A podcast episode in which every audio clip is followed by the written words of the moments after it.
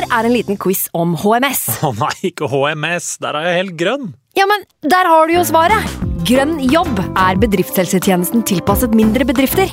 Våre HMS-eksperter hjelper mer enn 8000 bedrifter over hele Norge med alt fra lovpålagte HMS-krav til pålegg fra Arbeidstilsynet. Få på plass bedriftshelsetjeneste på grønnjobb.no. Hallo? Jeg kommer fra Oslo politikammer. Ine Jansen er purk. Er du purk? The motherfucking bitch. Alt jeg vil, er å finne ut hva som skjedde med mannen min. Jon Carew. Er jeg sikta for noe? Iben Akeli. Det er du. Ole So, Lars Berrum og Big Daddy Karsten. Hvem sin side er du på, egentlig? Anette Hoff, Tone Danielsen, Kommer du fra Afrika?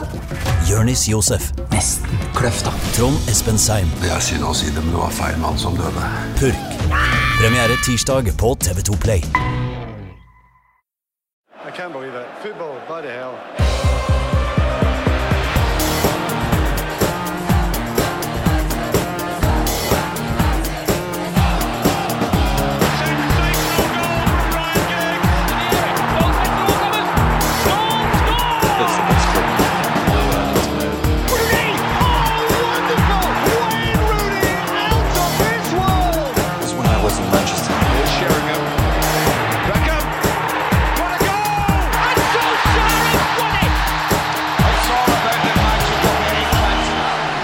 Det røde toget dundrer videre.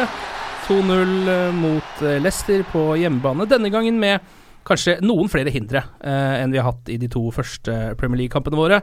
Velkommen til United We Podcast. Jeg heter Kenna Senus Nilsen. Med meg Sven Bisgaard Sunde fra NRK P3s Heia Fotball. Velkommen til deg. Tusen hjertelig takk. Og så er jeg pålagt av NRK å si at det er um, Vara styremedlem i Manchester United. Um, i, ja. Når jeg opptrer um, i, i, for, som NRK-mann, så er det veldig viktig å si det. Sånn at folk vet at det er binding mellom meg og inn der. eh, Sånn at det Ja. kan være opp, altså, Sånn at det oppfattes korrekt. da Sånn at folk skjønner at jeg kan ha en, en binding inn til den klubben. da Ja, og så vite da at du er en mann som liker å blande litt roller. Altså ha en 10-12 forskjellige roller å sjonglere, så må du da si fra hver gang om hvem, eh, hvilken persona du er i akkurat nå. Ja, jeg har, da har gjort et oppdrag for uh, IJ. Jeg holdt et kurs der, så bare, altså det er oppe på bordet. Altså institutt, institutt for journalistikk. Ja, Mm. eh, men eh, dette, dette gjorde jeg i, på jobb for NRK, så dette fikk jeg ikke betalt for. Um, jeg får heller ikke betalt for den jobben i, i, United, så, så det Det her er veldig interessant materie Ja, ja, eh, ja, for fagforeninger. Eh, kanskje ikke så interessant materie for United-supportere. Nå er du ute! Eh, men det som er desto mer interessant, tror jeg, det er at vi også har med oss eh, Eivind Brennhovd Holt. Velkommen til deg også. Takk for at jeg fikk komme. Du er jo faktisk journalist for Manchester United. Ja. Det er jo ditt, Og det jobber du med eh, heltid også, gjør du ikke det? Jo, det gjør jeg nå. Eh, ansatt i mars. Er fantastisk. Drømmejobben. Ja, det må det jo virkelig være. Um, du skriver da for United supporterblad, eh, det skandinaviske, eh, og også da for United.no, som jeg tror eh, veldig mange som hører på denne podkasten har et ganske tett forhold til. Hvordan er den jobben, da? Nei, det er veldig ålreit. I hvert fall i disse dager så, så syns jeg det er veldig, veldig greit. Så jeg, jeg stortrives. Ja. Det er, eh, det er fullt trøkk og, og veldig gøy å følge United om dagen. Så, så nei, det har vært en veldig god start på, på ny jobb. Men det er litt forskjell på når det går opp og ned, kanskje? eller? Ja, det kan du jo godt si. Du sitter jo på en måte og ser United og håper selvfølgelig at, du, at, at de vinner fordi du er supporter, samtidig som det er litt tyngre å gå på jobb på mandag hvis de, hvis de taper en 2-3-0. Mm. Så ja, definitivt. Det, det gjør hverdagen litt enklere at, at, de, at de nå er i såpass god form som de er, som de er nå. Jeg kan også tenke meg at det er litt vanskelig å skrive en liksom kritisk sak om United de gangene de er på en skikkelig dårlig roll, da. Og så skal du servere den til United-fans. For det er, jo det, det er jo det som er jobben din. Da møter de motstand, men, eh, men det, det er bare gøy, så det det, det er viktig at vi er litt kritiske òg. Jeg, jeg syns jo ofte det at supporterne er, eh, er kanskje enda mer kritiske enn eh, enn media sånn noen ganger. Det er sant. Mm. det er sant er, Men er det sånn at eh, dere i, som jobber for United, sånn, har dere en eh, hotline inn til klubben? Er det sånn at eh, når det er rykte om at Perisic skal til United, eller at Matic eh, skal der, er det sånn at dere vet det litt før oss eh, vanlige Ja, ja, vi, jeg har Mourinho på sånn speed dial på telefonen, så tenkte vi kunne slå på tråden, eh, tråden etterpå og høre litt hva som skjer eh, på torsdag. Men er det i det hele tatt noe interninformasjon å huke tak i for dere? Er det liksom sånn, Får dere en slags sånn, eh, sier jeg, sånn infomail fra avdelinga, eller Du kan si det sånn, United har jo vokst seg større og større jo bedre de har, har blitt. Eh, Og jo vanskeligere har det egentlig blitt å komme inn på, på klubben, for å være helt ærlig. Ja, Så det er flere som har sagt det. ja, eh, United-sporteren åtte utgaver i, i sesongen. Før så var det et eksklusivt spillerintervju hver eneste gang. Nå er det tre-fire stykker. Men uh, de vi snakker med i, i England, uh, i engelsk presse, de, de sier jo fortsatt at vi er veldig heldige, da, som, som får, eh, får den tilgangen. Og de gjør det, ja. Ja. Så det er ikke like enkelt for engelsk presse å få den samme tilgangen. Nei, de sier det at den uh, sommerturneen, det er på en måte deres sjanse. Da får de en sit-down med Mourinho og gjerne kanskje ett eller to spillerintervjuer, men i løpet av sesongen så, så kan det være vanskelig, da. Selv om man, man ser det innimellom. Men vi snakka litt om det rett før vi gikk inn her nå, Sven. At jeg bare tenkte litt på det, altså det forholdet som er da mellom klubben Manchester United og supporterne til Manchester United, eh, og også pressen. For nå har vi jo sett f.eks. da de var på Ullevål. Eh, det nevnte jo også Kasper Wikestad da han var her i forrige uke. At da var det da én som stoppa opp ved eh, fansen og skrev autografer, og det var José Mourinho. Ingen spillere. Er ikke, det, er ikke det litt rart? Kanskje litt rart, samtidig så tror jeg kanskje det, det er noe de har fått beskjed om. Ja. Eh, jeg var i Skopje og så supercupfinalen mot Real Madrid. Eh, og da er de nødt. Altså når det er Uefa som arrangerer, så er spillerne nødt til å gå gjennom det vi kaller mix zone, altså Mm. en sånn intervjusone der, eh, der journalistene står og venter. Ehm, alle spillerne går forbi, bortsett fra den ene som rager over noen sånne store reklameskilt. Du så liksom Nemanja Matic kom, kom bak, for han var såpass høy at han, han gikk over hinderet. Eh, men han stoppa og, og sa noen kommentarer, men allerede etter ja, 40-50 sekunder så er det Så står presseansvarlig til United der og, og napper uh, Matic i, i jakka, og så vil han med inn i spillebussen. Så ja, Ja. det er uh, Det er en jungel, det, altså, i, i den mixoen når det er en som stopper der, så det, det er ikke så ofte. Det er litt trist da at de, eh, at de tar seg såpass dårlig tid. Men samtidig så tror jeg at um, jeg så bare Jeg ble litt sånn overraska over å se hvor kort tid United var i Norge. Mm. De var i Norge i tolv timer eller sånt. De Mm. landa om morgenen. så Det virka bare- som de var her i en uke. Ja, ja. Ja. Altså, de, var, de lander rett opp på stadion, spiller kamp, reiser hjem. Mm. Uh, så det er jo sikkert ganske begrensa hvor mye eh, Altså, de har en ganske tight schedule, så hvis spillerne skulle stoppa opp i tre kvarter og signert autografer på vei inn og på vei ut på flyplassen, så hadde de jo, eh, så hadde de jo bare rekka én kamp i løpet av sommeren. Ja, og så er det selvfølgelig Skal Pogba stoppe for tre stykker, så, så er det jo fortsatt 1000 som står igjen så er, er jeg skuffa. Men det er noe med signaleffekten her selvfølgelig da som, som ikke er helt heldig. Det har jo også blitt sånn at eh, det de kan si, er jo også såpass lite at det er kanskje greit å begrense noen av de intervjuene. Eh, det blir jo uansett eh, en som står og sier 'at the end of the day' osv. Three points Uh, Three points uh, It's all about fitness. Yeah, it's all about the team today. I was really lucky it went in and I got a goal. Uh, så det er jo egentlig veldig greit. Apropos goals, skal vi gå gjennom kampen mot Leicester, Sven? Ja, gjerne. Hva syns du om den, da? Jeg syns um, det som gleder meg mest, uh, var at uh, nå fikk vi for første gang i år hilsa litt på det der spøkelset fra i fjor. Uh, med at Vi fikk jo den straffen. Altså, det har, alt går jo vår vei nå. Det går Ja. altså 4-0, 4-0. Mm. Og så kommer vi ut mot Leicester, og så går det fortsatt går bra. Vi Mm. spiller bra, og vi får trøkk, og vi får straffe. Men så brenner vi straffen, og da var rett tilbake til der i fjor. Ja.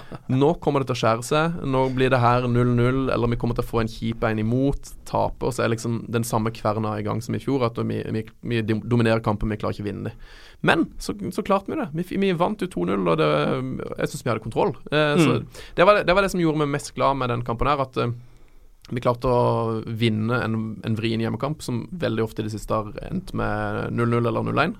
Deilig. Mm. Hva tenker du, Øyvind? Eh, jeg syns det er veldig gøy at uh, Mourinho åpenbart har på en måte adressert det som var problemet forrige sesong. Da lå vi også på tredjeplass, nei, unnskyld, førsteplass etter tre, tre kamper med, med full pott, men det var jo en helt annen fotball. eh, og problemet var jo at vi ikke skåra nok mål, eh, og de vi skåra, var det Zlatan Ibrahimovic som, som sto, sto for. Nå har vi seks forskjellige målskårere på, på ti, eh, ti mål, så det, det, det må jo være positivt. Og det er noe med den fotballen de, de leverer. Jeg, jeg, jeg syns ikke det er snakk om noen sånn taktisk eh, forvandling. Eh, jeg tror nesten det handler mer om en spillergruppe som har fått et år med, med Mourinho, og så har han fått på plass de brikkene som kan, åpenbart mangla, kanskje først og fremst i, i Nemanja Matic. Og det er gøy å, se, gøy å se hvordan det har på en måte fungert eh, såpass godt i, i innledninga nå, selv om Mourinho selvfølgelig har benytta hver anledning han kan til å minne oss om at vi sto med ni poeng forrige sesong eh, også. Så vi skal ikke ta, ta helt av. Men, eh, men det, var, eh, det, var, godt å se, selv om jeg er enig med deg, Sven, om at eh, Leicester lyktes med å frustrere United i 60-70 minutter der. Mm. Eh, men så gjør Mourinho eh, et litt, eh, litt lurt valg, syns jeg, da, når, han, eh, når, eh, når Leicester tar ut, eh, tar ut Albrighton og Okazaki, som er de som jobber kanskje mest defensivt av de offensive spillerne. Så setter Mourinho inn, eh, inn Rashford, og det, det gir resultater. Begge innbytterne skårer fella inn etterpå, så det, det må, jo, må jo sies at det lykkes. Ja, absolutt. Um, men jeg ser det jo også litt på Mourinho, at der får, virker som han også et lite øyeblikk får tilbake litt til spøkelset fra i fjor. At, det er ikke, at han er ikke liksom har ikke en, uh, Han har ikke en uh, mer En tettere rustning enn det. Eh, fordi du ser For første gang i sesongen så jubler han vel ordentlig når Rashford skårer. Ikke sånn at han hopper rundt som Conte, men en liten neve. Som han, han, han anerkjenner at den der trengte vi faktisk nå. Eh, og det syns jeg jo er litt godt å se, da. At du på en måte At han er heller ikke immun for det derre helvete som det var store deler av fjorårssesongen. Du ser altså i, i pausa der så går den jo mot uh, tunnelen før, før uh, det er blåst av, det gjorde den veldig ofte i fjor også. Ja. Gjerne når du da United hadde hatt en del sjanser som de hadde misbrukt, så da er nok gira på å få snakka med, med gutta. Men det der, det der har jeg tenkt mye på. Uh, for det, jeg synes Når han gjorde det i, i Chelsea, eh, og gjort det, han har gjort det i flere klubber, så er det at han, han går ut liksom nesten to minutter igjen. Så er det liksom at han Jeg vet ikke hva han prøver å signalisere, at eh, nå har vi kontroll, det blir pause. Så, så går han liksom og stiller seg i spillertunnelen. Og gidder liksom ikke se ferdig omgang engang. Og det funka jo eh, med Chelsea, for der er spillertunnelen rett på sida av benken. Mm. Men når han driver på og gjør det på slutten av kampene nå, må gå de der eh, 100 meterne på Old Trafford, Ja. så blir det så weird. Ja, det blir veldig rart, fordi fansen står jo og ser på han. Hvorfor stikker du nå? Det er, kampen er jo ikke ferdig ennå. Det Jeg har ikke helt skjønt Hva er det han prøver å, å signalisere med de greiene der? Er det det at han liksom sier at han skal inn og prate med det, eller vil han signalisere at vi har kontroll? Jeg skjønner det ikke. Og så, ja, så, så, så Han gjør det jo åpenbart liksom, i litt frustrerende kamper, da. Mm. Så det at han har kontroll, virker det som han ikke prøver å signalisere. Jeg ser Men liksom, hvorfor vil du signalis signalisere at du ikke har kontroll? Det er jo en veldig rar ting å signalisere. Har du noe peiling på hvorfor han gjør det? Nei, jeg, jeg veit ikke. Dette her er jo uh, taktikeren Mourinho antageligvis som har en tanke bak det, vil jeg tro. Mm, Eh, Ellers så er han bare veldig gira på å komme seg inn i Kanskje han vil unngå kø i, i tunnelen, hva vet jeg. Men han får i hvert fall ikke gjort noe før alle spillerne er inne, så nei, et mysterium.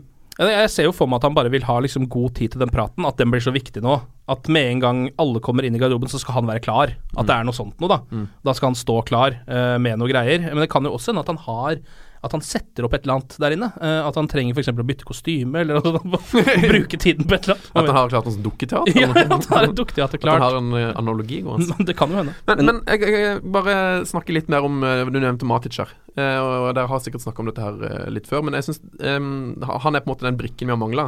og samtidig som Lukaku. Og jeg vil bare få lov til å skryte litt grann av Mkhitaryan.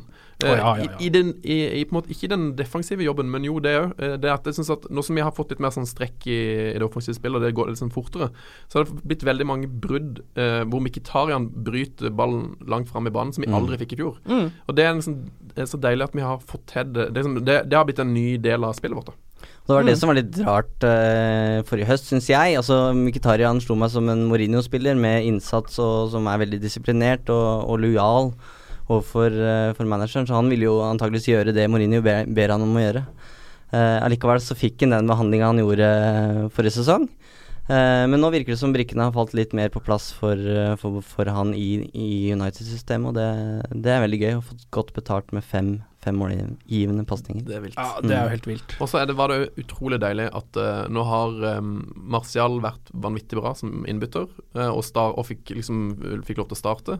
Uh, og så kommer Rashford inn og på en måte gjør akkurat det samme. Eh, Ja. Og det her savna jeg jo litt i fjor, at vi de kampene vi sleit, så endte det som regel opp med at vi liksom eh, Det var 60 minutter, og nå må vi på en måte sette på trøkk. Og så ender det opp med at vi bytter ut en spiller, og så, kommer, og så må man sette han inn på Ashley Young, eller man setter inn på um, en eller annen fyr som ikke er i form, og så dør kampen litt. Mm. Mens nå har vi faktisk eh, to-tre spillere som sitter på benken, og som like gjerne kunne ha starta, som vil inn og snu kampen. Mm. Ja, som uh, Mourinho sa Jeg husker ikke om det var før eller etter, kampen, men han sier jo det at eh, han kunne ønske han kunne starta med 20 spillere, for nå er det både holdninger og, og kvalitet. Det er, eh, det er helt på topp, men som han sier, nå blir det eh, dette er den vanskelige perioden, da, å ha en bred stall. Mens nå, nå kommer jo Champions League etter hvert, og, og da blir det mer naturlig å, å rotere. Mm. Og da blir, det, da, da blir det enklere. Men det er klart at dette her er, han, han sitter med et luksusproblem, og det, det er gøy. Ja, og det er jo så det er jo, Jeg ser for meg at de kanskje må krangle litt nå, Marcial og Rashford, om hvem som skal starte, eh, og om de faktisk vil starte. For det virker som at den som kommer inn, kommer jo til å putte. Eh, Sånn har det i hvert fall vært til nå. Eh, Vi kan jo starte med straffesparket litt, eller stoppe litt opp ved det. Um, yes, den hensen var for det første kanskje ikke helt sånn soleklar. Der fikk jeg, føler jeg at vi fikk liksom tilbake til til den gamle Old Trafford Fair Factor. Mm. Bare sånn, nå, nå må han faktisk blåse nå. Ja, Eh, det, det, var, det var en vanskelig situasjon for meg, det, den straffen her. For at vi har, jeg har sett mye av kampene i år, og i år så har faktisk synes jeg dommerne i Premier League har klart å lagt seg på en veldig bra linje angående hands. For det har, jeg tror jeg har sett fire eller fem helt like situasjoner hvor det kommer innlegg som treffer en spiller i armen, eh, og så blåser ikke dommeren straffe fordi at eh, ballen søker hånd, og uansett det innlegget har du ikke treffa noen som helst. Ja. Så det er liksom Det er en gavepakke å gi straffe der, da. Jeg syns de har lagt seg på en veldig fin linje med at ikke de gir straffe på de. Men når det går til United sin fordel, så er jeg jo veldig glad for at det skjer. Men det innlegget Det var tre, det var tre spillere mellom uh, han som legger innlegget, og Lukaku. Så det er liksom tre Leicester-forsvarere på rekke og all, alle tre har muligheten til å klarere ballen. Ja. Og så få straffe på det. Det er jo Jeg mener at det, det, man bør jo ikke gi straffe på sånne situasjoner. Nei, jeg tror du var veldig heldig der, fordi det var en lignende situasjon rett før. eh, som bare gjorde at nå virker det som at eh, nå slås ballen inn, og de driver og henser. Jeg må bare blåse her nå, tenker dommeren sikkert da. Um, akkurat som at han ikke har noe valg, men sånn um, Hvis den straffa hadde gått mot United, så hadde jeg vært lynende forbanna. det, Ja, det hadde jeg. jeg har blitt griseforbanna. Men eh, nei, fear factor òg, selvfølgelig. Eh, etter at Ferguson dro, så har syns jeg United har hatt et sånt problem med at eh, folk Folk er ikke redde for å komme på Old Trafford lenger. Eh, folk kommer der med et håp om at de faktisk kan vinne. Alle lag går der for å vinne. Mens før så hadde vi jeg vil si kanskje tre kamper i året hvor vi faktisk bare vant på walkover, mer eller mindre. For noen Ja. lag bare ga opp. Mm. Men uh, nå er det litt tilbake at folk er redd for å komme der, og da tror jeg jo at, uh, at dom, dommerne gir oss de der litt heldige situasjonene òg. Ja, kan, kan være en del av det. Og En ting er det, en annen, en annen ting er, eh, er hvordan United reagerer når, når de bommer på det straffesparket. Det kommenterte Mourinho etter kampen at uh, hadde det her vært forrige sesong, så hadde vi blitt uh, demoralisert, og, og, og antagelig så kunne kampen endt endt 0-0. Det gjør de ikke nå. De plukker seg opp igjen etter den straffebommen og, og kommer seg, så det, Mm. det var gøy. Ellers er det jo litt uh, en, en interessant statistikk. Kasper Schmeichel har nå redda flere straffespark på Old Trafford enn sin far. Nei! Er det kødd? Er det sant? Det er helt sant. I alle steikes dager. Har han redda så mye straffer, den mannen? Jeg lurer på om Peter Schmeichel kun fikk tre straffer imot seg på Old Trafford. Som oh, ja, ja. United-keeper. Ja, ikke sant. Mm. Eh, og han redda kanskje, kanskje ingen? Ingen av dem. Hvor mange har Kasper redda? Én? Én. Ja. det Ja, det er en veldig kul statistikk. Det er en veldig merkelig statistikk. Men eh, en ting til om det straffesparket. Det her har jeg bare lest sånn med ett øye. Men var det ikke noe snakk om at uh, Lukaku stjal straffen fra Pogba? Ja, eller det, Man vet ikke hvem han stjal den fra, men i postmatch-intervjuet med Mourinho eh, så spurte jo, uh, spurte jo da intervjueren om det var meningen at Lukaku skulle ta det straffesparket. Og da sa jo Mourinho rett ut nei, det var ikke planen. Uh, men han som skulle ta straffesparket, han um, ga det til Lukaku da Lukaku spurte om han kunne ta det. Uh, og så stilte ikke den idiotintervjueren oppfølgingsspørsmålet hvem skulle egentlig ta det straffesparket, så det må jo vi bare spekulere i. Det hadde ikke Pogba Nei, unnskyld, eh, Mourinho sagt uansett, tror jeg. Nei, det tror jeg kanskje ikke jeg heller. Men, Men- det, har, det har vært spekulert i at det er Pogba som skal ta straffen, iallfall. Ja, det ligger jo litt i korta, tenker jeg. Uh, men jeg mener husk at i fjor så sa Mourinho det at uh, Wayne Rooney, Zlatan Ibrahimovic og Paul Pogba De Skal skal. Mm. ta straffen, og de skal eh, diskutere seg imellom. Eh, jeg vet ikke hvordan de løser det i år, men, eh, men Pogba er vel kanskje nestemann. Men, uh, men eh, Zlatan bomma også på straffe i fjor, Ja. mot Bournemouth, og Ja. tok den neste. Ja så ja. Jeg er enig i det. det er bare, Romelu Lukaku er jo um, notorisk for å være en som forbereder seg altfor godt til fotballkamper. Han er jo kjent for å gå gjennom videoer av så å si alle forsvarsspillerne og keeperne, hvordan de holder på, og så memoriserer han det ved et sånt sinnssykt, nesten autistisk uh, hukommelsessystem som han har laget i hodet sitt. Er det sant? Ja, det er sant. Eh, han har en ekstrem hukommelse. Han kan jo blant annet, det her er jo noe jeg så vidt har nevnt før, men han spilte vel en U21 Belgia-kamp sammen med Kevin De Braune. Han husker hele kampen til Kevin De Braune. Altså alt Kevin De Braune gjorde i den kampen, husker Lukaku fortsatt. Og kan nevne bare sånn play by play. Fordi Så, deilig. Ja, for han har en enorm hukommelse. Eh, og når man da så den statistikken før han skulle opp og skyte, så ser man jo hvor hans fem siste straffer gått. Mm. Alle hadde gått til venstre, én hadde gått midt i mål, eh, og to av de som hadde gått til venstre, hadde han da bomma på. Og man, jeg er jo ganske sikker på at Kasper Schmeichel også er en mann som forbereder seg ganske godt. Så hvis han bare hadde skutt den ballen til høyre, så hadde den jo gått inn. Du så jo hvor mye Smitley satsa der. Han gikk altfor tidlig. Eh, Ja. Og Nei, det, det Men jeg har aldri hatt veldig troa på Lukaku som straffeskytter heller. Men jeg syns det er skuffende å se at han ikke bare Det må jo alle bare lære. At det, på åtte av ti straffer så kan du bare se hvor keeperen går, og så bare triller han i det andre hjørnet. Det må man bare trene seg opp til å lære. Du så det med Det var Charlie Austin hadde en straffe mot Westham, Mm. og der gjør han akkurat det samme. Han, han bare venter og ser hvor keeperen går, og keeperen gikk altfor tidlig. Bare den er nesten midt i mål. Mm. Så der, må, der har Lukaku en vei å gå. Han må slutte å sikte. Han må heller bare anse situasjonen. Han må ikke forberede seg så godt på akkurat straffe. Det er, det er veldig hardt. Han skyter veldig hardt. Ja, han gjør det. Han, Så det er vanskelig å plassere når du skyter såpass hardt også, så ja, jeg vet ikke om det er så lurt å skyte så hardt, jeg. Eh, om, uansett hvor hardt han hadde skutt, hvis han treffer akkurat der, så redder keeperen. det er på en måte Han skulle satt han, litt, han skulle satt han som Del Piero litt høyere. Skulle satt han som Del Piero, kan vi vel egentlig bare si. Eh, Ja. Så er den saken grei. Um, og så eh, er det jo da målet til eh, Marcus Rashford. En mål på corner, det er jo deilig. Eh, har ikke vært så mange av de i fjorårssesongen. Mm. Eh, ganske tilfeldig scoring. Han står helt fullstendig alene og får lov å skyte ballen på vold, volley etter en corner. Det er ikke så veldig vanlig.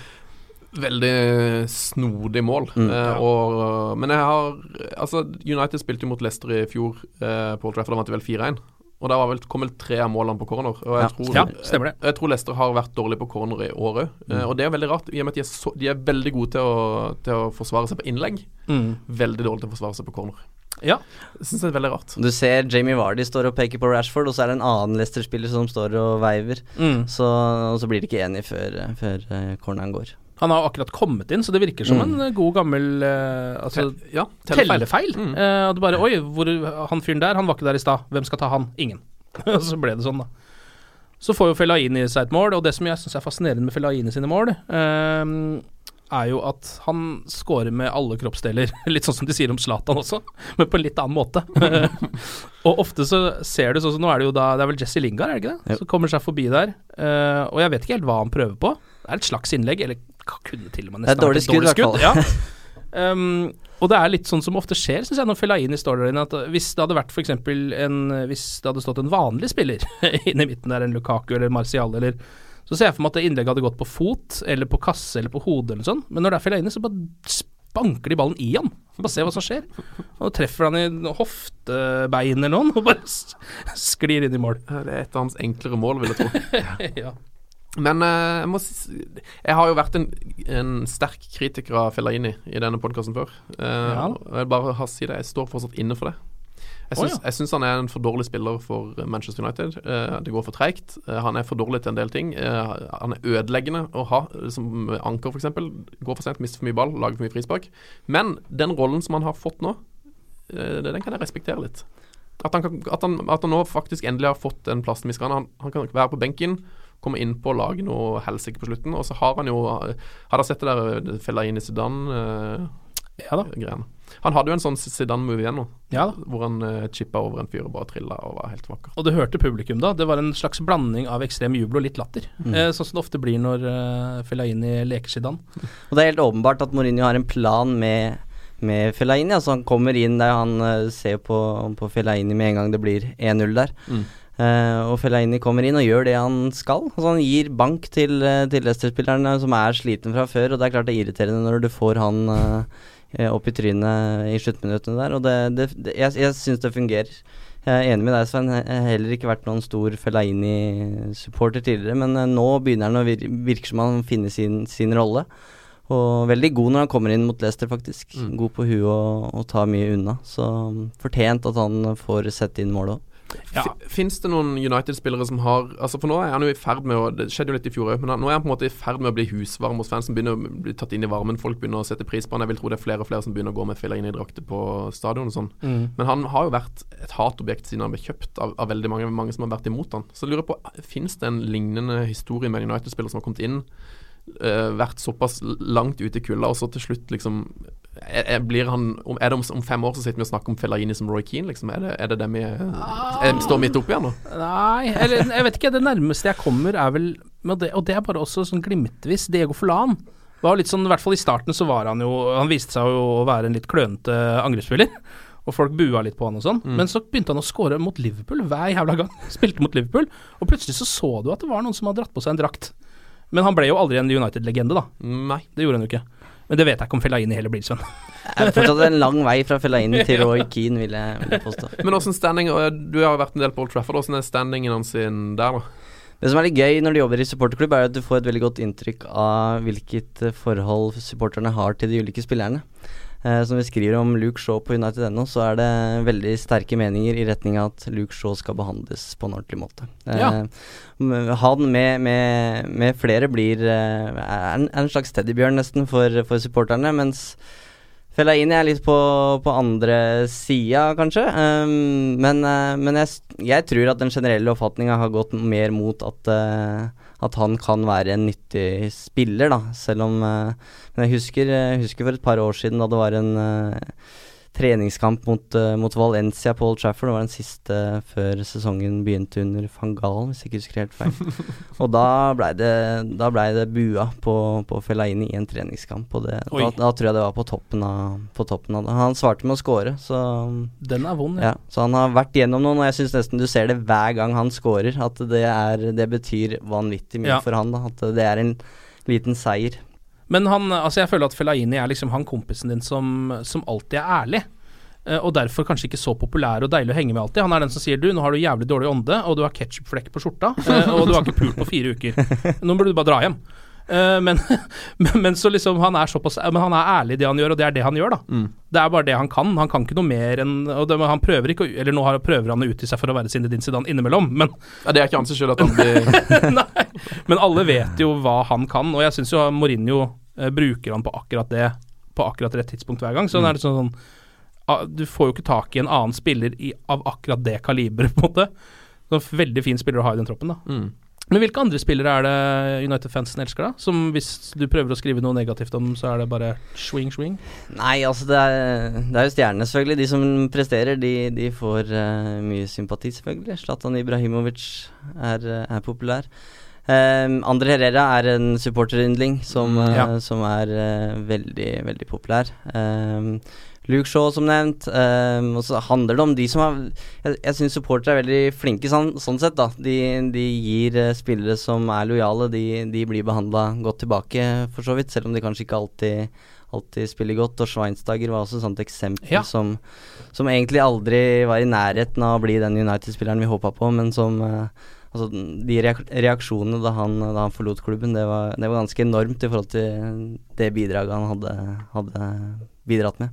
Ja, men ikke sant, men han var jo en, en dønn gjennom ærlig fotballspiller, profesjonell fyr. Mm. Og man så jo at han prøvde så godt han kunne å Mm. komme seg inn i det der, og han godtok å spille for reservelaget, han godtok å sitte på tribunen, han godtok jo alt. Mm. Ja. Uh, så det er jeg enig i. Jeg synes, det, er, det er liksom, bortsett fra Angel Di Maria, så er liksom Svein i den jeg skulle helst håpe hadde slått gjennom, da, som Mm. ble en sånn feilkjøp for United. Mm. Eh, Litt det samme som har skjedd eh, Nå har det jo virkelig snudd seg helt, da, men samme sammen med Juan Mata. Ja. Som jeg syns har vært en fantastisk uh, fyr, liksom, eh, for United i mange år. Og han har fått så få sjanser. Han blir, eh, du har sett den statistikken, han blir jo alltid bytta ut. Han har jo altså Jeg tror ikke han har fått 90 minutter ei eneste gang, jeg tror jeg, under Mourinho. Nei. Eh, og um, han liksom ble st stempla som vrakgods, og at Moyes gjorde en tabbe med å betale altfor mye for han. Og han har liksom bare, Men han har bare stått på, stått på, stått på. Og, og nå, endelig, spiller fast. Um, og ligger vel, lå vel på topp Han lå vel på topp fem av alle spillere i Premier League etter to runder på sånn ratings, og har vært fantastisk. Ja, han har vært bra. Eh, men du var jo inne på Andre Herrera her så vidt. Ja. Du var, Har du ikke vært og titta litt på røttene hans? Det stemmer. Eh, var i Saragossa i, tidligere i sommer, og blei behandla veldig fint av klubben og, og byen, for så vidt. Ja, alle Eh, folka der sånn som Andre Herrera, eller? Ja, du kan nesten si det sånn. Ja. Nei da. Men eh, Saragossa er en, eh, er en for så vidt en liten by, egentlig. Eh, selv om det er mange, mange innbyggere. Og det er eh, veldig fascinerende folk som ikke snakker eh, et eneste ord engelsk, men som, eh, som tar deg imot på en veldig god måte allikevel. Veldig god mat, f.eks. um, så nei, så vi, jeg var der og, og snakka med en del av de, eh, en barndomskamerat og nåværende kaptein og en tidligere trener som alle har kjenner Ander Herrera godt, og mm, Så vi lagde en reportasje til, til United-supporteren om hans oppvekst og hvordan han blei den fotballspilleren han, han, er i dag. Så det var uh, veldig, veldig gøy. Uh, og du forstår litt uh, hvorfor han er den han er, og hvorfor, hvorfor han har det forholdet han har til, til, supporterne. For han har på mange måter vært en av dem, uh, dem sjøl. Får noen gode historier om hvordan han har, har sniket seg inn på bortekamper og på en måte vært vært på, på tribunen da, som en, som en, supporter. Og han har sesongkort eh, hos Real eh, Saragossa, og det Ja.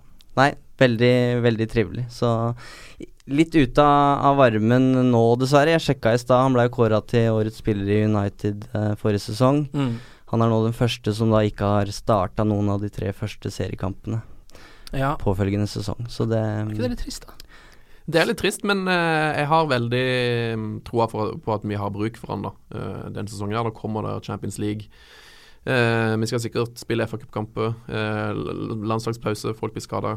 vi trenger, altså, kommer til å trenge den store stallen. og jeg, jeg, kan, jeg kan, virkelig ikke skjønne at det ikke skal være plass til han i det laget her. Altså, Pogba, Herrera, Matic høres ut som en, en perfekt trio på midtbanen i veldig mange kamper. Mm. Men uh, det har vel vært rykte om at han skal vekk, så jeg vet ikke helt hvor, hvor landet ligger der. Spennende å se. United må i hvert fall få forlenga den kontrakten hans hvis de skal beholde den, og det er Barcelona som visstnok skal være interessert, så da kan det kanskje være lurt å, å få det gjort. Ja. ja. Uh, hvis Barcelona er interessert, så er det ikke så veldig lurt å ikke skrive nye kontrakter eller benke spillere veldig mye. Uh, da kan det hende de ender opp der borte. Det, han har ni måneder igjen, eller noe? Ja, men jeg, jeg, er ganske sikker på at uh, på et tidspunkt så går Mourinho tilbake igjen til 4-3-3 her, og, ja. og, det blir helt sikkert en rolle for Herrera å spille etter hvert. Og han har jo faktisk skrytt av Herrera, selv om han nesten ikke har spilt noe. Mm. Uh, så har han allerede vært ute og sagt at uh, selv fra benken så sitter han og dirigerer og kjefter ja. og holder på, akkurat sånn som han vil ha det. Mm. Um, så, så, det er jo tydeligvis en spiller etter Mourinhos hjerte også, mm. og fansens hjerte. Så jeg mm. kan ikke tenke meg at det er noe grunn til å sende han ut. Nei, men hvis Barcelona sier at de vil ha han, så, så forstår jeg jo veldig godt at han eh, har lyst til å hoppe på den sjansen ja, der òg. Uh, men jeg håper at Mourinho har uh, uh, føler han ute og skjønner at det her er kanskje en mann vi bør holde på, og tar en prat med han. Mm. vi har glemt én ting fra selveste Leicester United-kampen, eller United Leicester, og det er å finne ut hvem som egentlig var de beste spillerne for United på banen. Mm. Der har vi et system hvor dere to skal få lov å gi ett poeng til én spiller, to til én og tre til den dere mener var banens aller beste spiller. Ja, uh, dette har jeg jo gleda meg til, ja. uh, for jeg hører jo på denne podkasten hver uke. Mm. Uh, så jeg har gått og gleda meg til at neste gang jeg skal være, jeg skal være med og kåre banens tre beste. Men jeg syns, når jeg kom på det i stad at jeg skulle gjøre det, så begynte jeg å grue meg litt. For jeg syns den kampen her var virkelig en av de vanskeligste på evighet å si hvem som var best. Ja, vi kan jo, hvis vi kan jo ta noen Hvis vi skal gå innom noen kriterier, da. Jeg vet ikke hvilke du liker å bruke. Mm. men David Hea slipper nok en gang ikke inn mål. Uh, han har én jæslig bra redning også, faktisk. Ja, den var helt vill. Som er ganske vill. Var det på 2-0, eller? Det, det var, det. På, på overtid. Ja, på overtid. Det var helt på overtid, mm. stemmer det. Men allikevel, det bare, han skal ikke slippe inn mål. Det ser du bare på han.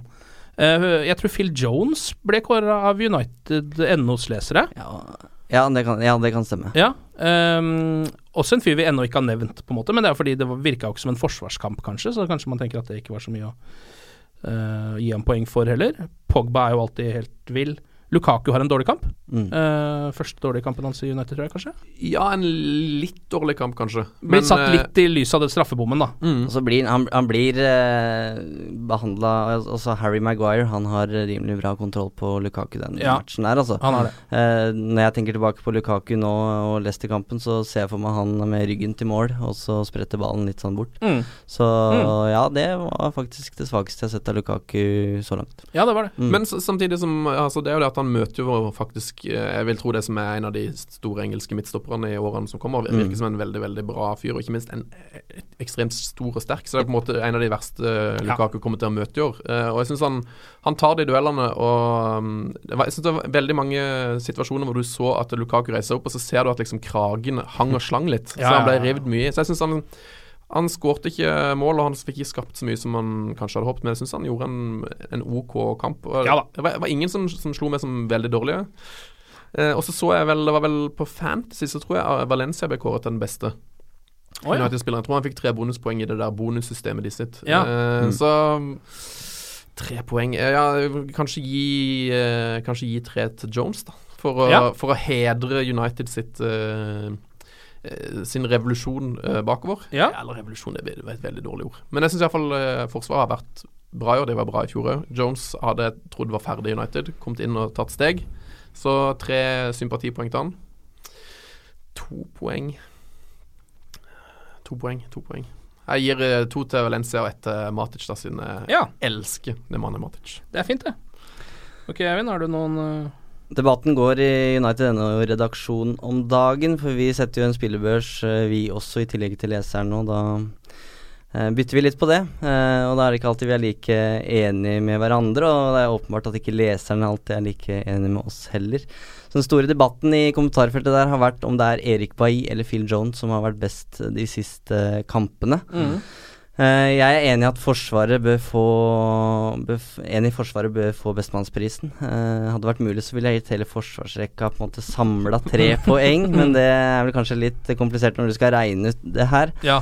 Eh, så siden du sier Phil Jones, uh, Sven, så sier jeg Erik uh, Bailly, som Mm. også ble kåra til den beste i, på spillebørsen vår.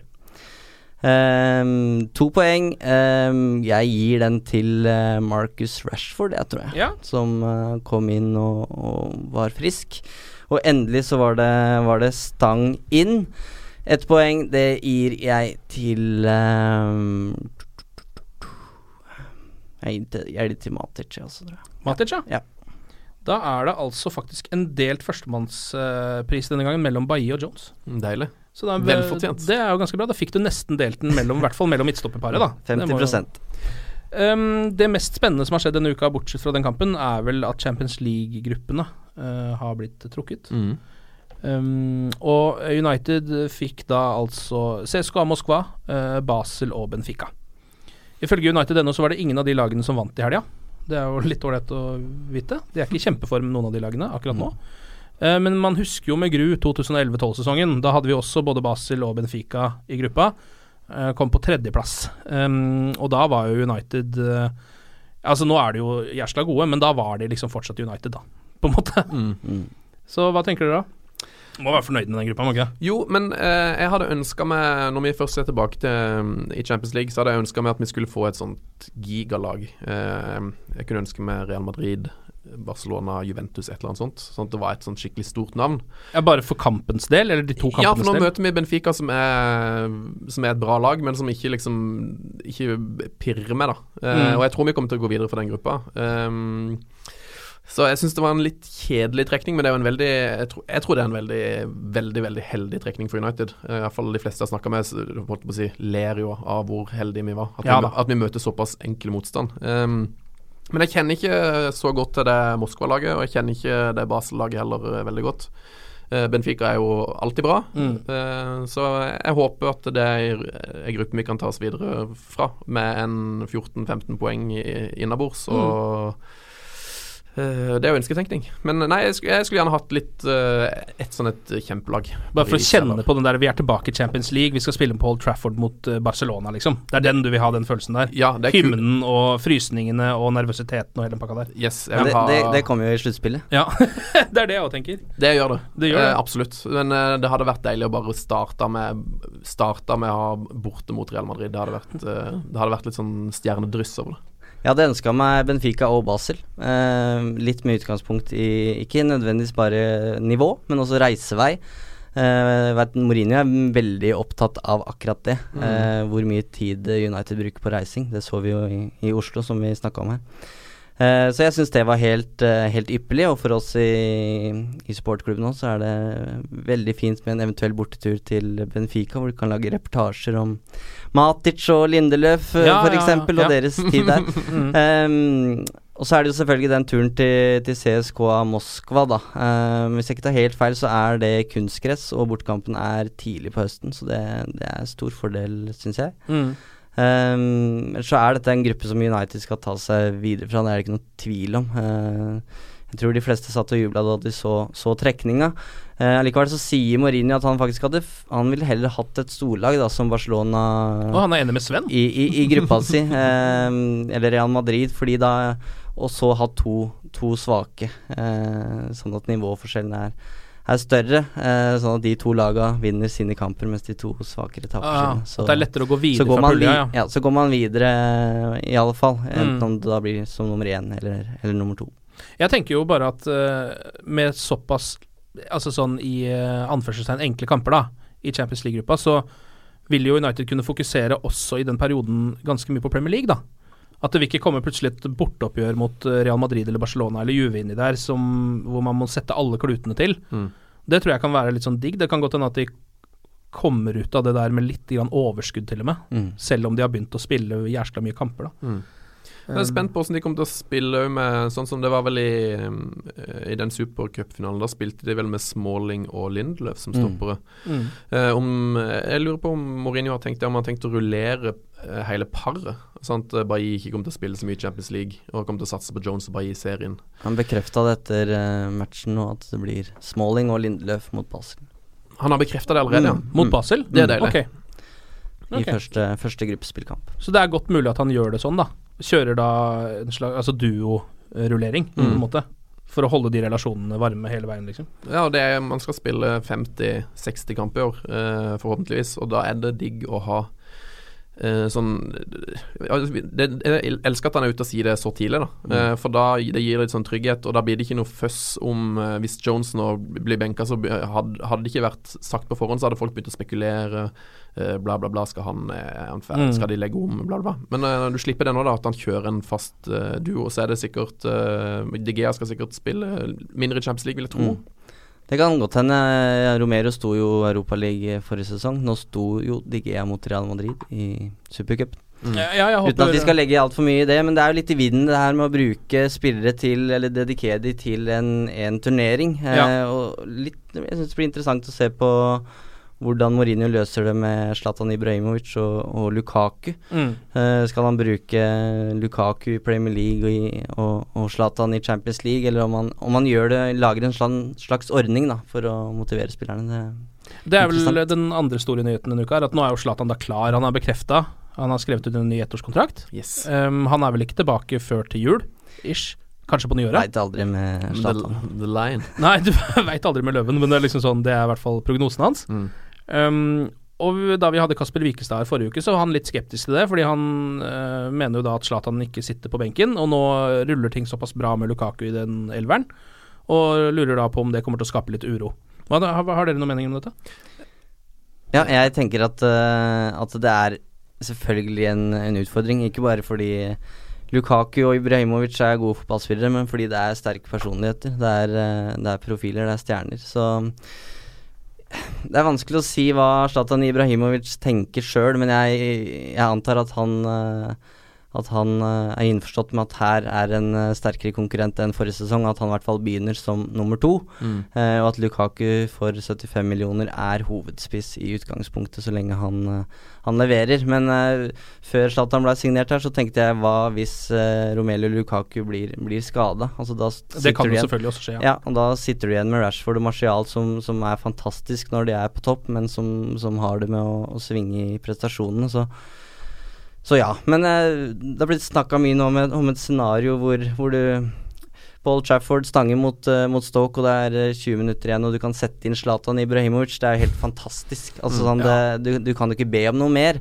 Samtidig så, jo, så blir det spennende å se hva engelsk presse gjør når Ibrahimovic også er benka fra start i de kampene. Mm. Uh, Mourinho løste det veldig godt med Wayne Rooney i fjor, og det kan hende at han må gjøre noe av det samme med, med Zlatan, men jeg tror det kan være litt, eh, litt eh, større utfordring. Mm. Men det blir, eh, blir veldig spennende. Så tror jeg ikke vi skal undervurdere heller det som skjer bak kulissene her. Altså sånn United har mista en eh, stor profil i, i Wayne Rooney. Så kan du si mye om det han har eh, levert på fotballbanen de siste åra, men det at han hadde en posisjon i, i garderoben, det var det ingen tvil om.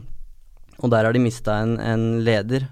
Eh, og nå fått en ny en inn i, i Zlatan, så jeg tror ikke vi skal undervurdere den effekten han kan ha i garderoben og, og på benken. Det var jo snakk, snakk om noen sånn trenerrolle, det har, ikke, har det ikke blitt sagt noe mer om. Men, men, eh, men det han tilfører laget på sidelinja, det tror jeg, ikke, tror jeg ikke vi skal undervurdere, for han har åpenbart en høy stjerne blant spillerne. Mm.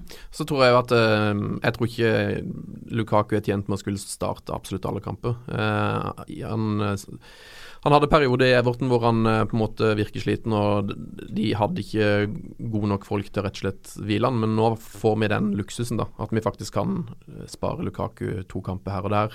Iallfall etter jul, når det blir masse kamper. Og jeg vil jo tro det. Nå har Zlatan gått ned masse lønn. Eh, Jeg vil jo tro de har hatt en lang samtale med han om hvordan det her rollen rollen hans skal være i dette laget. Og at eh, Zlatan hadde litt andre kort å forhandle med i fjor enn det han har nå. Så at han blitt et år eldre, småskada han, han kan jo antageligvis ikke spille 90 minutter heller, iallfall i begynnelsen. Så eh, jeg har, jeg har, veldig, jeg har veldig få minuser med at man resignerer Zlatan. Jeg ser nesten bare positivt på det. Mm. Jeg har fått inntrykk av at Mourinho har klarert det ganske kraftig med han hvordan rollen hans er. Um, men samtidig så tenker jeg jo at det er, Jeg vet ikke om det går gjennom til Zlatan helt. Hvis du skjønner? Fordi jeg tror Zlatan, det Zlatan har fått høre, er jo da uh, Hvis du er best, så spiller du. Hvis Lukaku er best, sånn som han er nå, så spiller han. Mm. Og jeg vil jo tro at det ikke tar så lang tid før Zlatan, hvis han kommer i form, begynner å tenke jeg er nok best. Det er nok jeg som er best av oss to. Jeg burde nok kanskje spille litt flere kamper enn jeg gjør. Jeg tror det kan skje, da. Eh, Men hvor mye uro det eventuelt skaper, og, og hvor liksom um, mye klubbfølelse Zlatan har fått for United i løpet av den perioden, det vet man jo ikke. Mm. Kan godt hende han er komfortabel med det der, og egentlig bare vil føre den klubben fram til noen titler som han også kan da ha på sin CV. Jeg vil jo tro at det er en faktor her.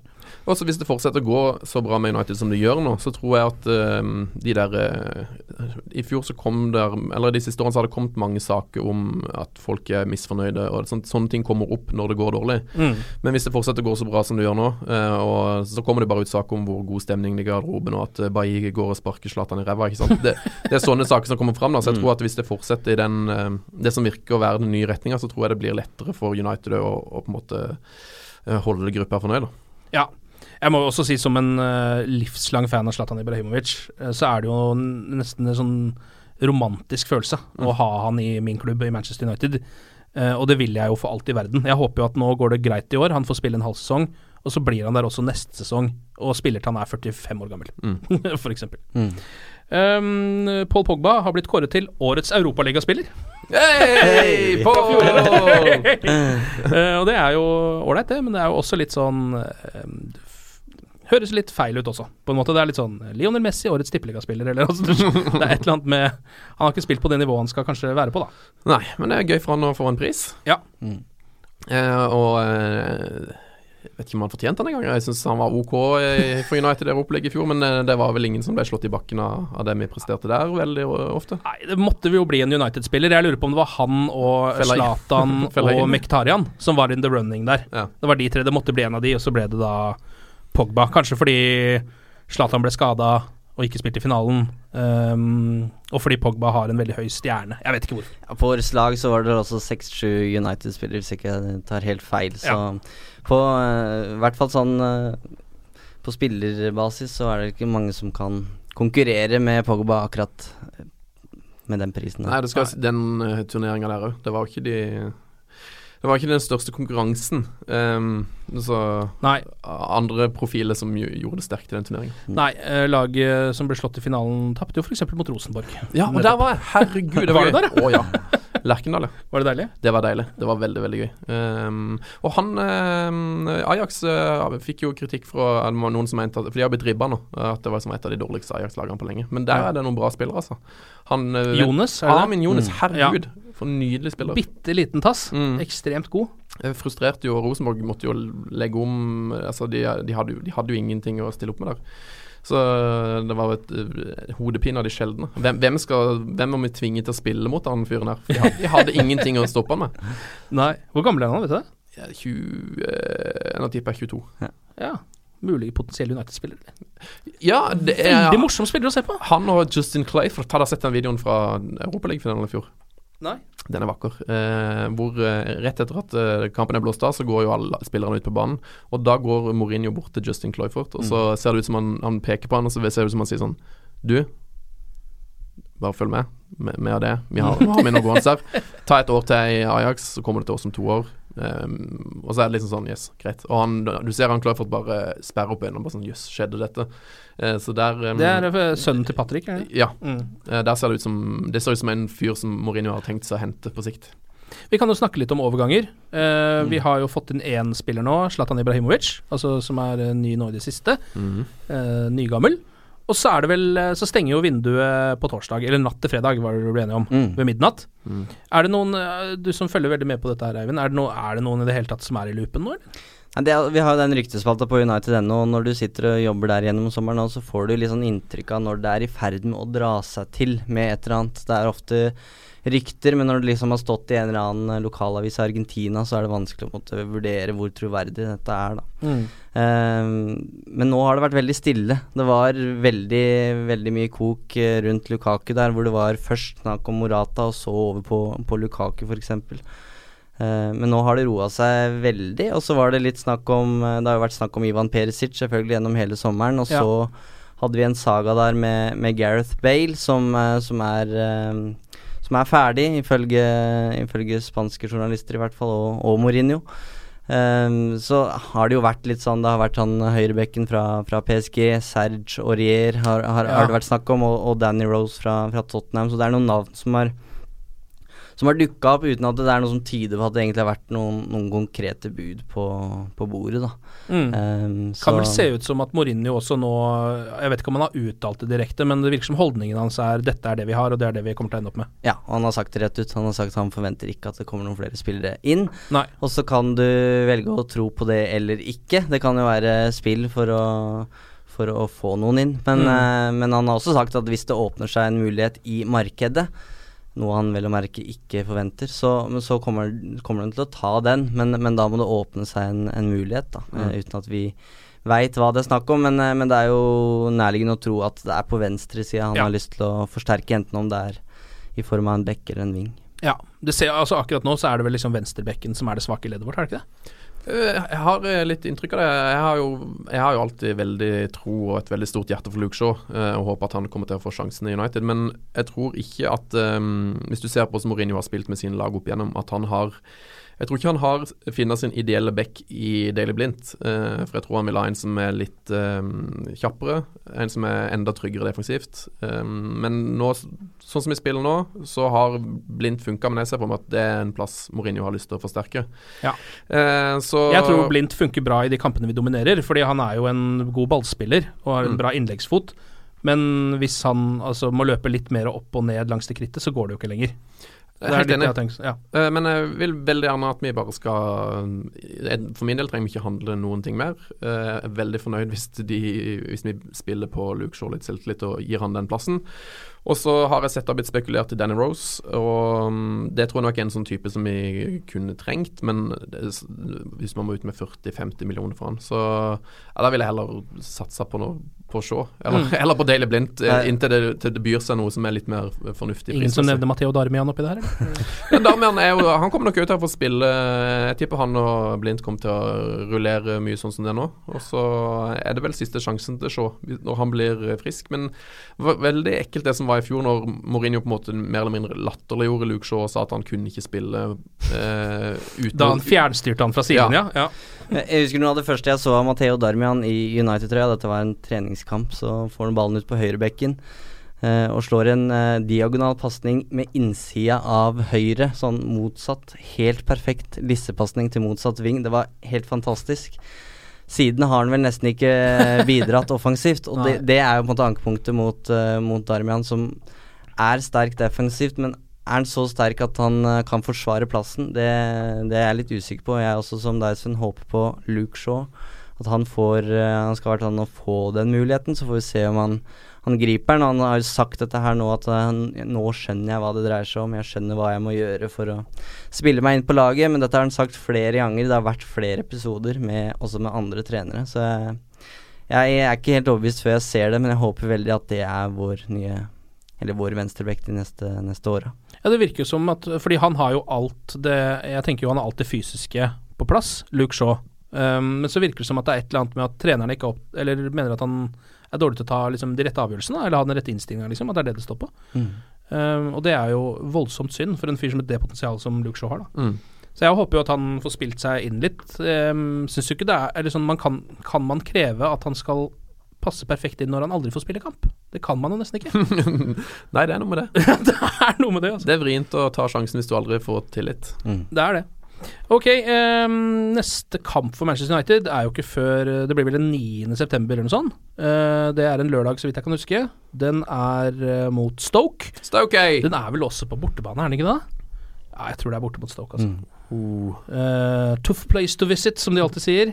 Ja, visstnok. Uh, det viste seg jo det for uh, Det var vel Arsenal som sleit der. Ja. Vrient sted å komme, men eh, det er blitt, Stoke har blitt mindre Stoke med årene. Så ja, de har det. det blir spennende å se. De har jo begynt å kjøpe spillere fra Real Madrid og sånn. Det er jo derfor de har blitt litt mindre Stoke. Nå har de jo Hese, som jo virker uh, ganske kvass. Ja, hadde en uh, vanvittig bra debut, og um, han var jo på en måte For sånn tre år siden så var han jo det, det nye store på Real Madrid. Det var Ja. liksom så, sånn som folk sitter og snakker om Marco Ascencio nå. Mm. Uh, sånn sant folk har snakka om Hese da. Så der Mm. tror jeg det er en spiller med veldig mye potensial. Men um, jeg tror hvis United skal prøve, å- prøve å ta tittelen i år, så er det en kamp vi må Da må vi levere i de kampene her. Ja. Um, så nei, jeg håper vi bare har eh, At vi bare durer på videre og får en, en kontrollert og deilig 2-1 borte der. Ah, det hadde vært noe. Ja, så blir det spennende å se åssen landslagspausa slår ut her. Det har jo Vi har jo vært borti det før, at det kan gi skader. Så, Ja. så er det noen som har reisevei osv., og, så videre, og der er kanskje Stoke litt, litt mer heldig. Men eh, borte mot Stoke er uansett, uh, uansett vanskelig. Eh, og Mark Hughes har liksom funnet sin greie der, tydeligvis. Mm. Så ingen enkel, ingen, ingen enkel match, men eh, det som er litt deilig nå, er at United har fått litt arbeidsro. da Altså sånn de Nå er det ikke noen Nå er det ikke nødt til å jage Chelsea eller, eh, eller ta igjen noen poeng sånn sett. Nå er det de som har fått en liten luke. Den er ikke stor, men, eh, og det er mange poeng, poeng igjen å spille om, men, eh, men eh, de har fått den lille luka og har litt arbeidsro nå framover, og da er det ikke krise, da, om det, blir, om det skulle bli 1-1 mot Stoke. Nei, det er det jeg også tenker. Jeg føler jo at nå må vi kanskje stålsette oss på den første lille nedturen denne sesongen. Og det, det, blir, det trenger ikke å være en ordentlig nedtur. Jeg tror, jeg tror ikke United taper den kappen. Men vi vil jo bli em, Altså Det vil jo være en liten nedtur med 0-0, f.eks. Hvis vi st- øh, får det gamle stanginga vår og får noen steng, stangskudd og Mm. ikke får den inn. Jeg har ikke så troa på dette Stoke-laget at jeg, jeg, jeg tror at vi skal, skal klare å ta dem. Ja. Så er det vel Kan fort vekk se en Fellaini antageligvis på, på Britannia. Og Ja, kanskje ja. det blir noen flere endringer med Darmian som vi snakka her, som er sterkere defensivt. Og kanskje trives litt bedre på Britannia enn enn Blindt. Så merker jeg at eh, mitt største ønske eh, for den landslagspausen er jo at Phil Jones ikke blir skada. For det, jeg føler det hadde bare vært så typisk at han nå Når han for tiende gang endelig begynner å spille bra for United, så blir han jo alltid skada. Ja, han var jo også borte fra en trening forrige uke, var det Ja. ikke det? Men plutselig så dukka han opp øh, og spilte kamp igjen, da. Ja, altså, jo Men her kommer jo de dårlige nyhetene, Sven. Han, uh, Mourinho bekrefta at han spilte med skade mot, eh, mot Leicester. da. Sliter med ankelen. Men han er jo med i den engelske landslagstroppen, så han skal Nei, vel må- ja. skal vel vurderes der. Men uh, vi får se åssen dette tar vei. Da håper han trekker seg fra det landslags... Uh, Tar en Rooney og bare kommer seg ut av det greiene der. ja, Rooney ga seg nå. Ja, Rooney har gitt seg. Han ble bedt om å, han ble bedt om å spille igjen òg, og så sa han bare Ja. 'nå er jeg ferdig'. Han ble innkalt, og så sa han det gidder jeg ikke, eh, nå er jeg ferdig. Utrolig frustrerende at ikke han bare gjorde det. At han ikke innså at han, var for, at han ikke burde spille landskamp for to år siden. For da had- tror jeg han hadde vært fortsatt i United hvis han hadde Skulle vel stå noen rekorder der først, antageligvis. Ja, det fikk han jo akkurat gjort. Mm. Rekker vi å snakke om at Gareth Barry kan eh, bli den eh, Ja, det er mitt, mitt ønske for dette transfervinduet. Hva da? At vi kjøper Gareth Barry.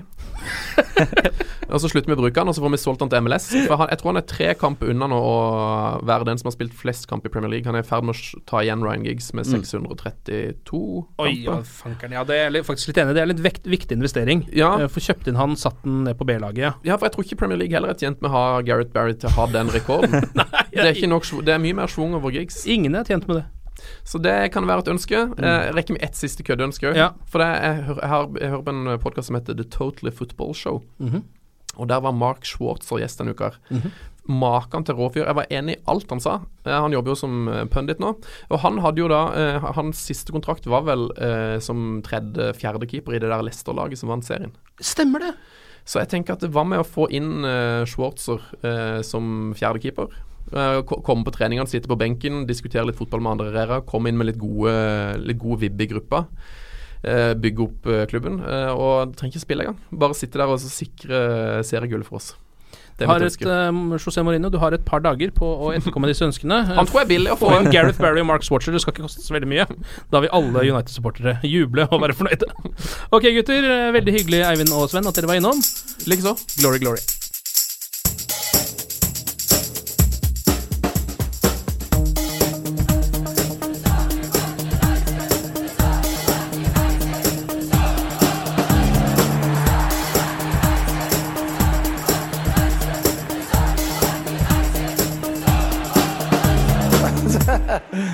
True.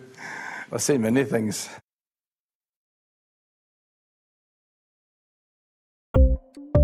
Ukens annonsør det er matkasseleverandøren Hello Fresh. Der kan du velge mellom 25 ulike oppskrifter hver uke, eller få Hello Fresh til å sette sammen en meny for deg. Jeg sparer tid på å handle, oppskriftene er veldig enkle å lage, og så får jeg akkurat det jeg trenger da, til hver eneste rett, så jeg slipper å kaste så mye mat som jeg vanligvis gjør. Det er også litt deilig å faktisk slippe å gå på butikken, ikke bare fordi det er tidkrevende og sånn, men fordi man ender opp med å kjøpe så mye greier som man egentlig ikke trenger, sånn som fire poser eh, Smash og en kick med havsalt, eksempel. Det er ikke det du egentlig er der for, du er der for å kjøpe, kjøpe middag. Så det er en veldig eh, kjekk ting. I tillegg så er det jo eh, ferdigporsjonerte ingredienser, det blir mindre matsvinn, og du betaler bare for det du faktisk trenger, og det du faktisk da spiser. I tillegg så blir det da levert på døra til et eh, fastsatt tidspunkt, sånn at du kan få det akkurat når det passer for deg eh, sjæl. Hvis Hello Fresh høres ut som noe for deg, så har jeg en rabattkode du kan bruke også. Gå inn på hellofresh.no og bruk koden HelloUnited24. HelloUnited i ett ord, også 24, og få opptil 1779 kroner i rabatt på de fem første matkassene dine hvis du ikke har prøvd Hello Fresh ennå. Du kan også bruke koden hvis du tidligere har vært kunde, men har stoppa abonnementet ditt for tolv måneder siden eller mer. Det er ingen bindingstid, og du kan pause eller avslutte abonnementet ditt akkurat når du selv måtte ønske. Husk koden HelloUnited24, og bon appétit! Ukens annonsør er Folio, en smartere banktjeneste for deg som har en egen bedrift eller ønsker å starte for deg selv. Folio er en superenkel nettbank for bedrifter. Som kunde i Folio får du en bedriftskonto med et bedriftskort og app. I denne appen er det smarte løsninger som forenkler regnskapet ditt, uansett om du har en liten bedrift eller et enkeltpersonsforetak. Folio er både intuitivt og brukervennlig, og er laget med et enkelt språk. I tillegg tilbyr de forutsigbare priser og ingen skjulte gebyrer. Skulle du likevel trenge det, så kan du snakke med deres raske og hyggelige kundeservice, og der får du prate med en faktisk person og ikke en chatbot. Folio er med andre ord både enklere og koseligere enn banken. Over 10 000 bedrifter har allerede valgt Folio som sin banktjeneste, så besøk folio.no og se hvordan Folio kan forenkle din hverdag også. Har du et enkeltpersonforetak eller en liten bedrift? Da er du sikkert lei av å høre meg snakke om hvor enkelt det er med kvitteringer og bilag i fiken, så vi eh, gir oss her, vi. Fordi vi liker enkelt. Fiken superenkelt regnskap.